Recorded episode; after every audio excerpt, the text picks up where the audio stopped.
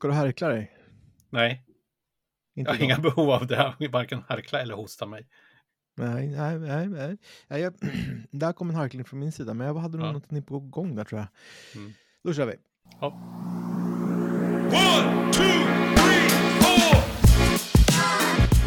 Hej och varmt välkomna till skyddsombudssnack som för en gångs skull inte goes julkalender. Christer, julen är ju över. ja, god fortsättning Mattias. Det blir god fortsättning till dig och du som lyssnar.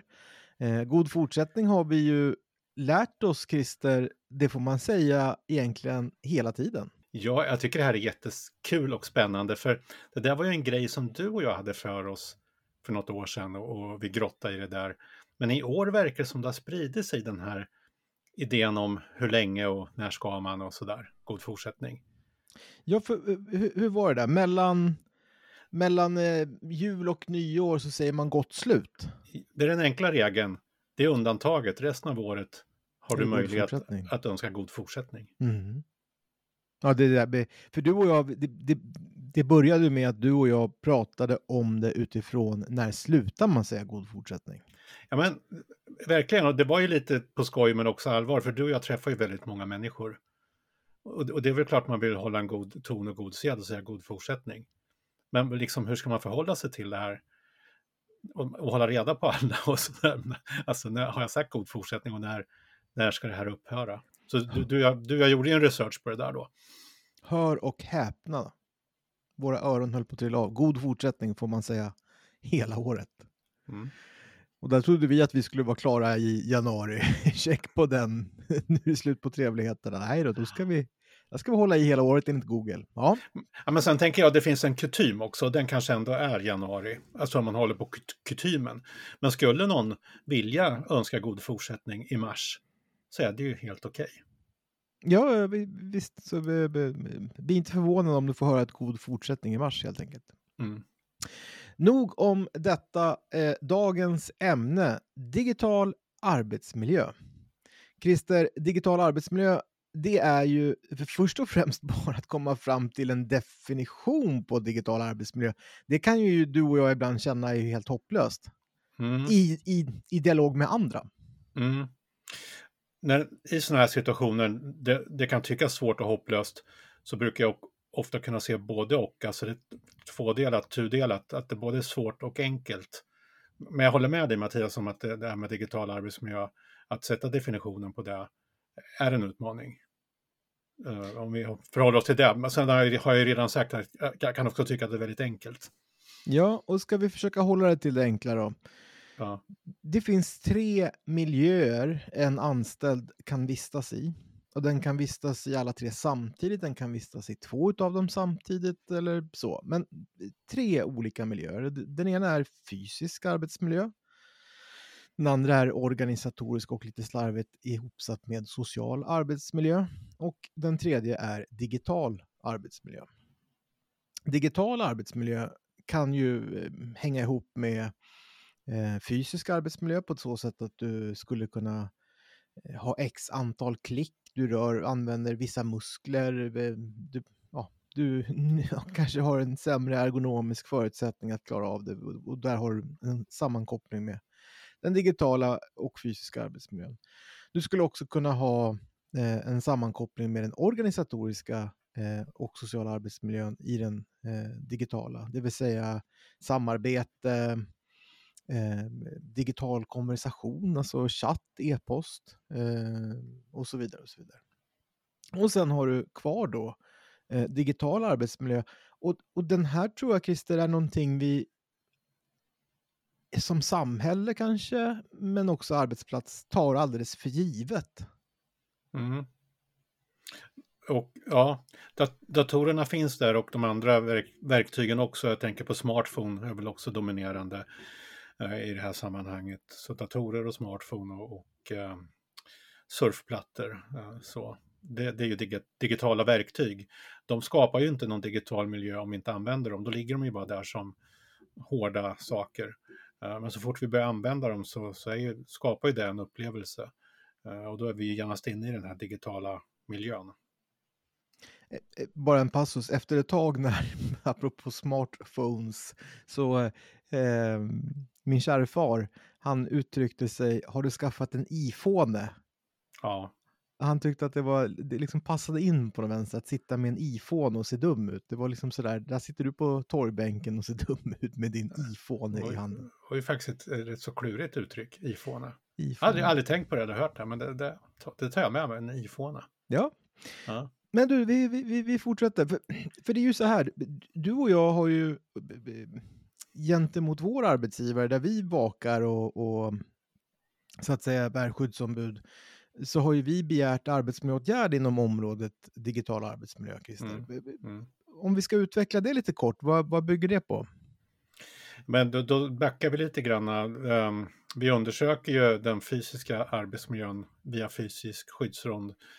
Eh, vi undersöker den psykosociala eh, arbetsmiljön via den här OSA-undersökningen, organisatorisk och social arbetsmiljö. En lite större undersökning som vi gör två gånger per år.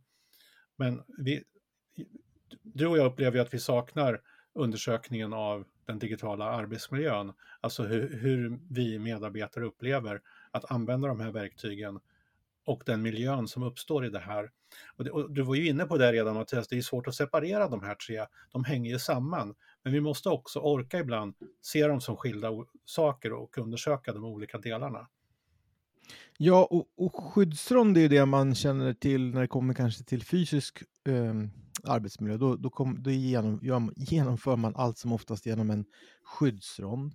Och en skyddsrond är ju inte mer eller mindre eh, en riktad riskbedömning.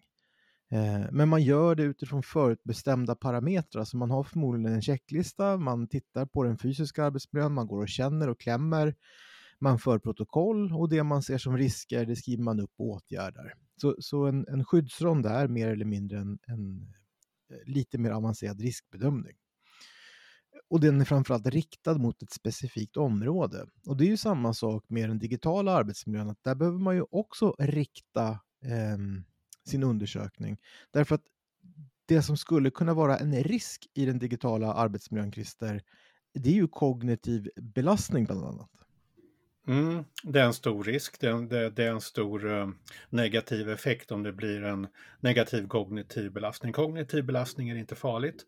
Det är som all belastning, det är som fysisk belastning, det är som psykosocial belastning och den kognitiva.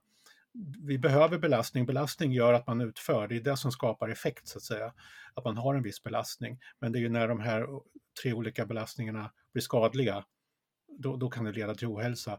Och då när vi är inne på kognitiv belastning, våra digitala verktyg, system, miljöer ska ju inte, får ju inte eh, skapa negativ kognitiv belastning. Här får, här får man ju inte heller vara så alarmistisk så att man säger att en människa som använder en dator riskerar att få ohälsa på en gång, utan här kan vi verkligen prata om det hållbara arbetslivet, att över sikt så ska man ju ha en mental miljö som är så pass stimulerande men ändå inte ger upphov till ohälsosam kognitiv belastning, därför då tar vi skada, då, då kan det bli farligt. Men det blir inte farligt här och nu, det blir farligt på sikt. Mm. Och det, det, det är ju det inom framförallt tjänstesektorn som, som man hela tiden måste ha ögonen på och orka se lite längre än bara här och nu. Eh, Och jag tänker att utöver då den här kognitiva belastningen så, så är det ju eh, hur väl stödjer eh, programmen som vi använder eh, vårt arbete som vi ska utföra. Eh, jag tänker innan datorernas tid så, så hade vi ju liksom det, det mellanmänskliga samarbetet. Idag har vi förmodligen eh, digitaliserade system som ska stödja oss i det där samarbetet. Det måste man ha under uppsikt. Jag vet att när vi tittar om och pratar om hög eh, risk för hög arbetsbelastning, Christer, så, så är ju en av resurserna, det är ju de digitala stöden. De är ju intecknade för att vi ska klara vårt arbete. De, de ska ju stödja det och vara en del av resurserna. Eh, de här resurserna vi pratar om när det gäller organisatorisk och social arbetsmiljö för att få balans mellan eh, kraven och eh, de resurser vi har så lägger man ju det i vågskålen, de digitala verktygen. Jag, jag, jag sitter bara också och tänker samtidigt att man får inte... För det här har vi råkat ut för så många gånger, Christer, så jag vet inte vad. Alltså att när, när lilla skyddsombudet kommer gående och säger app, app, app, arbetsgivaren, det här måste du undersöka, så är det som att man hamnar i det här, ja nu kommer skyddsombudet och påstår att någonting är dödligt igen. Mm. Eh, men vi, här måste vi orka ha med oss det att den digitala arbetsmiljön måste vi ju få koll på för att kunna påstå att den inte är dödlig. Alltså, nu hårdrar jag ju, men, men eh, förstår du? Det, man måste vända på det där. Ja, men du och jag påstår ju inte att det här just nu är farligt. Eller skulle kunna vara det. Det vi trycker på det är att ta reda på om det är där. Alltså det bästa vore väl om, om man tog reda på om det här är farligt eller inte och kom fram till att det här är inte farligt.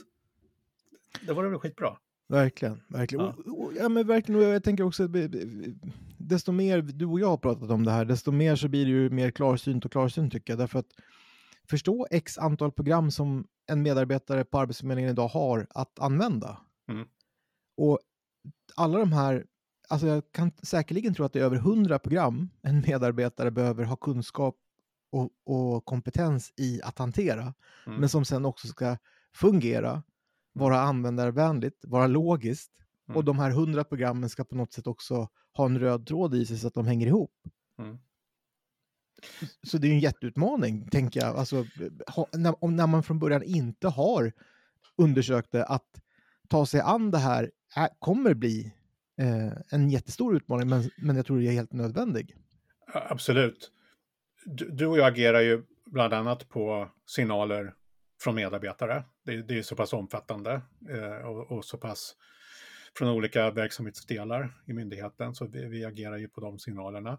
Men vi agerar ju också du och jag på den kunskapen du och jag har skaffat oss, för att vi så, det här med digital arbetsmiljö, det, det är ett väldigt fortfarande okänt fält att navigera i. Och du och jag har ju gjort på varsitt håll research för, för att du och jag ska förkovra oss och fördjupa oss i det här med digital arbetsmiljö så att vi, du och jag förstår vad det här handlar om.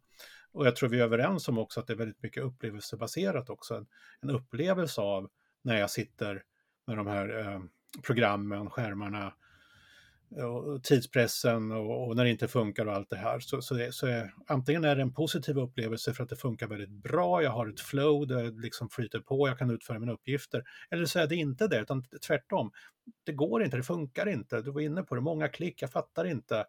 Det stämmer inte. Om jag gör fel, kan jag rätta till då? Nej? Och så här. Stresspåslag och så vidare. Så att det är liksom det spektrat vi rör oss i då, om, om upplevelsen av att det funkar eller inte funkar. Och var, var befinner vi oss någonstans? Precis, och vi, vi har valt att um, ta, ta hävstång och uh, följsamhet utifrån Sunt Arbetslivs uh, idé om vad en digital skyddsrond är. Och där lyfter man fram eh, teknik eh, anpassat eh, till människan och det är en, en tredje som jag här i stunden inte riktigt... Är stöd för verksamheten, bra. Mm. Det här, där höll det på att bli stora klipp. Men stöd för verksamhet. Så de tre är områden vi anser att man ska undersöka. Och vi, men men vi, vi anser också, Christer, för det här skulle jag vilja flyga, eller ta oss vidare in i. Vi säger att man ska undersöka det här övergripande, men Mm. också lokalt utifrån individens behov. Absolut. Om vi börjar med det övergripande så är det ju som alltid, då får man, ju, får man en kunskap som man kan bygga strategier på. eh, vad det gäller de- idén om digitala verktyg som ska användas av medarbetarna. Men som alltid i allt arbetsmiljöarbete så är effekten för den enskilda medarbetaren, det sker ju lokalt, alltså där man befinner sig med sin närmsta chef. Så därför måste man ju både undersöka övergripande för strategins skull, men i det lokala för de, de faktiska åtgärderna för var och en och för arbetslaget. Ja, för är det någonting jag också i det där då kan mm, riktigt ledsna ur på eh, är ju kapitulationen utav ledarskapet lokalt, alltså gentemot individen. Därför att allt som oftast, generellt sett tror jag också, chefen slår ut med armarna och säger jag kan ändå ingenting göra om ett system ligger nere. Och där börjar vi prata om då att medarbetaren börjar kompensera genom att jobba fortare, försöka tjäna in den här tiden som en driftstörning till exempel har medfört. Eh, eller vad det än så skulle kunna vara. Så att det, det övergripande, det är ju någonting för IT-avdelningen att få fakta kring och utgå ifrån när de utvecklar, justerar, eh, gör om eh, eller få en bekräftelse på att de här systemen är bra. Eh, så. Då har vi check på den. Men det lokala perspektivet är ju så direkt avgörande för att motverka ohälsa. Och det skulle ju kunna vara så, Christer, att du och jag är i samma situation, samma program, har två olika upplevelser. Mm. Och det måste ju chefen förstå. Ja. Men när chefen säger jag kan ändå ingenting göra, att till exempel flytta en knapp eller få systemen att inte stå och hacka lika mycket eller vad det än skulle kunna vara. Där och då har ju förlusten redan skett så att säga. Det finns ju så otroligt mycket den här chefen kan göra i ett sånt läge.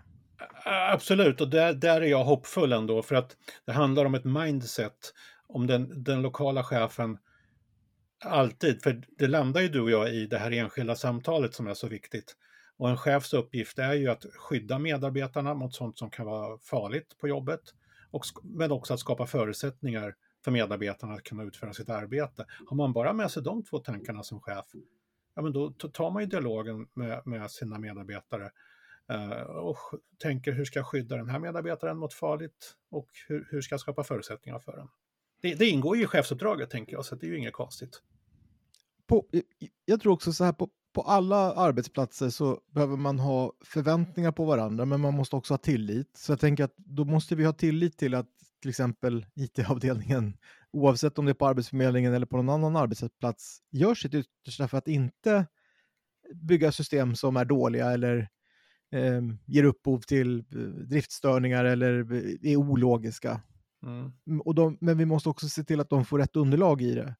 Men sen måste vi hela tiden backa ner till ja, men grundorsaken. Vi har, vi har anställt en person som vi säger är chef. Vi betalar pengar för att den ska vara chef. Vi ger den arbetsmiljöuppgifter och där i måste den också agera. Och jag tror som du säger, helt enig, det är verkligen en, en mindset-justering som behövs. Liksom. Man mm. måste förflytta de där perspektiven till att hamna i ett läge där, det är, där vi kan säga till chefen, absolut, du kan inte ändra på knappen här och nu, absolut, du kan inte trycka på en knapp så att systemet hoppar igång igen, men du kan leda och fördela arbetet så att medarbetaren inte kompenserar. Mm. Och sen också att leda och fördela går i alla led, för det kan ju vara så att en sektionschef eh, en sektion drar på sig för mycket ackumulerat arbete så sektionschefen inser det här håller inte, mina medarbetare kommer inte kunna hämta hem det här. Då behöver ju den sektionschefen vända sig till sin enhetschef eh, och säga att det blev för mycket ackumulerat. Alltså, alltså du måste ju också, också, gå i ledet, så att säga, signalerna, hur vi ligger till i, i arbetet och det arbetet vi inte har kunnat utföra. Och det, det finns ju inga gränser för hur högt upp i ledet det kan gå om det har varit mycket driftstörningar. Till slut hamnar det på en rätt strategisk nivå för att man ska kunna ta rätt beslut och sen skicka ut direktiv tillbaka. Okej, okay, gör så här då, omfördela på det här sättet och så. Så det är också en viktig del, att det här signaleringssystemet, så att man inte sitter som isolerade öar i sektionerna och tror att man har ensamt ansvar eh, för att lösa om det inte har fungerat till exempel. Jag tror också att den närmsta chefen måste ha ganska god insikt och förståelse för hur programmen fungerar. Hur är det att utföra arbetet? Den behöver ju inte kunna det i detalj. Eh, det, det påstår jag inte, men jag påstår att den måste kunna det så pass mycket att den förstår hur det är att vara i en sån här miljö. Därför att återigen, det handlar ju om det individuella perspektivet. Så att du Christer, du skulle kunna hantera att det står och hackar eller att det är väldigt många olika moment. För att utföra en arbetsuppgift så behöver du använda väldigt många olika program. Det skulle du kunna hantera galant. Mm. Medan jag kanske då skulle kunna konstant tycka att det här är jättestressande. Att det där står och hackar, eh, att det är massa allt tabbande mellan olika program eller att jag inte kan rätta mitt fel. Ja, you name it. Där behöver ju chefen på nytt då vara den här stödjande funktionen som har den förståelsen och kan hantera inte mina brister, men att mina förutsättningar inte är lika som dina på den vänsterkrister. Ja, jag tänker, för, förringa inte den stresspåslaget som, som uppstår för många och den frustrationen och den ilskan. Jag sitter och tänker på alla de här YouTube-klippen, folk som sitter och gamer och så funkar det inte. Det, det låser sig, alltså knäckta tangentbord, skärmar ut genom fönstret det är ju det är bara gaming, men, men när, när, det inte funkar, det är kanske en långsökt jämförelse, men när det inte fungerar så uppstår en stress. Vi har ju länge pratat om det här timglaset, att vänta två, tre sekunder på att någonting, det är bara två, tre sekunders väntan skapar stress, alltså det är ju inte mycket att vänta på, men bara det skapar stress och ha en hel dag då som strular. Jag, jag tror inte man mår speciellt bra när man går hem då, även om man inte är ansvarig eller man försöker släppa det. Man har haft stresspåslag. Ja, men det, det, det, tycker jag inte är långsökt. Jag tycker snarare att det kanske sätt, sätt in de YouTube-klippen i en hjärna så, så är det nog det som händer i hjärnan. Alltså Mm. det, det är den mekanismen som händer i hjärnan. Det, det, det blir en breakdown liksom. Eh, och jag tänk, men jag tänker också att frustrationen över att man upplever att det, det är komplicerat att lösa en, vad som anses vara en enkel arbetsuppgift därför att systemen är byggda så. Mm. Det är också otroligt frustrerande och kan skapa st- stress och kan också skapa den här knäcka tangentbord. Liksom. Mm. Eh, och, och återigen, IT måste ha faktabaserade underlag så att de vet att de, den här upplevelsen finns och då kan de börja agera på att ändra på det. Men ändringen kommer ju inte ske imorgon. Och fram tills dess så måste ju den lokala chefen, den närmsta chefen, måste ha en förståelse för och kunna hantera så att den här miljön då inte blir i hjärnan ett knäckt tangentbord. Mm. Alltså, jag sitter ju och får idéer här när du och jag pratar Mattias. Alltså, IT är duktiga på att utveckla IT-system och det ska de fortsätta att göra så att det blir ett stöd och en resurs. Men när det kommer till att skapa Windows, alltså ett fönstret som använder användarfönstret, där bör ju, då bör ju brukarna få, alltså om IT skapar så att säga bakgrunden, fan, de har tagit fram ett skitbra system som löser den här arbetsuppgiften, nu ska vi skapa fönstret som ni ska jobba mot. Låt brukarna då jobba med fönstret. Brukarna, alltså de som ska använda det behöver ju liksom inte jobba med bakgrunden, alltså, men, men att använda delen, alltså det man ser på skärmen och det man ska trycka och alltihopa, det bör ju användarna få ha hög in, högt inflytande på. Du, Jag tänker slutligen också bara ett, ett, ett, ett perspektiv som har dykt upp. Vi är cirka ja, men 11 till 10 000 medarbetare på Arbetsförmedlingen. Eh, det är väl en ganska stor skillnad i vilka program alla de här 11 000 använder. Men låt säga att hälften av dem använder ungefär liknande program. Då innebär det ju, Christer, att vi ska vi påstår att arbetsgivaren ska undersöka användarvänligheten, hur Mm. den upplevs utav de här då 6 000, 5 000 människorna. Mm. Där skulle man ju kunna påstå att ja, men det, det, det, det, det kommer inte gå, det kom, alla kommer inte bli nöjda liksom. Mm. Eh, hur, hur kan man tänka där? Vi måste våga fråga här, kanske 5-6 tusen medarbetare som sitter i- och jobbar i ungefär samma system på samma sätt. Skulle man då få ett negativt svar, alltså hög andel tycker att det här är inte användarvänligt, det är svårt, ja men då har man ju fått fram fakta att jobba på. Det är dumt att inte ta vara på det, för att det, det, det är ju i sådana fall en verklighet som pågår och blundar man för den, ja men då är man ju rätt så illa ute, både ur ett verksamhetsperspektiv och ett arbetsmiljöperspektiv. Så jag tror här måste man vara modig och, och ta reda på och ställa ett eh, sånt arbetslivs frågeformulär tycker jag är bra. Alltså det hade ju räckt att ta det och använda. Ställ de här frågorna så får vi ju svar. Och skulle det då vara kraftfullt negativa svar, ja men då har vi ju verkligen någonting att ta tag i. Och jag tror snabbt vi skulle kunna få åtgärder på det också. Jag tror, jag tror inte det är några långbänkar för att rätta till det då om vi får sådana svar. Nej, och sen, precis, och så, och så i det så måste man också samtidigt börja prata med medarbetarna om hur det här går till, vad som är förväntan, vad man kan uppnå. Ehm, så är det på en arbetsplats. Alla kommer inte få sin vilja igenom, utan man måste hitta någon mellanväg i det där. Men i den mellanvägen så måste man också sätta åtgärder så att alla kan tycka att det är en okej resa att vandra på. Mm. Det är ju det som jag kan någonstans tycka, tillsammans med, med det du säger, det, det är ju det som blir lösningen så att säga. Mm. Men, att, Ja. men att välja att inte fråga x antal människor, det, det, det är för mig, som du säger, det, det, är väldigt konstigt. Och då, har man, då har man kapitulerat från början där. Ja.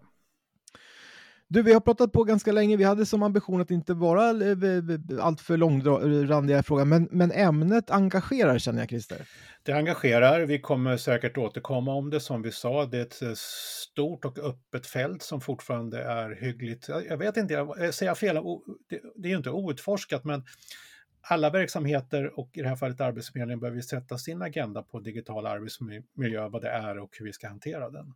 Ja, men du, jag, jag, framförallt så tycker jag att om vi backar bandet och tittar på vilka föreskrifter finns det inom området så finns det ju inga föreskrifter som är specifika. Det finns, det finns föreskrifter för kemikalier och arbeta på hög höjd Mm. och you name it, men det finns ingen föreskrift som riktar sig mot den digitala arbetsmiljön specifikt.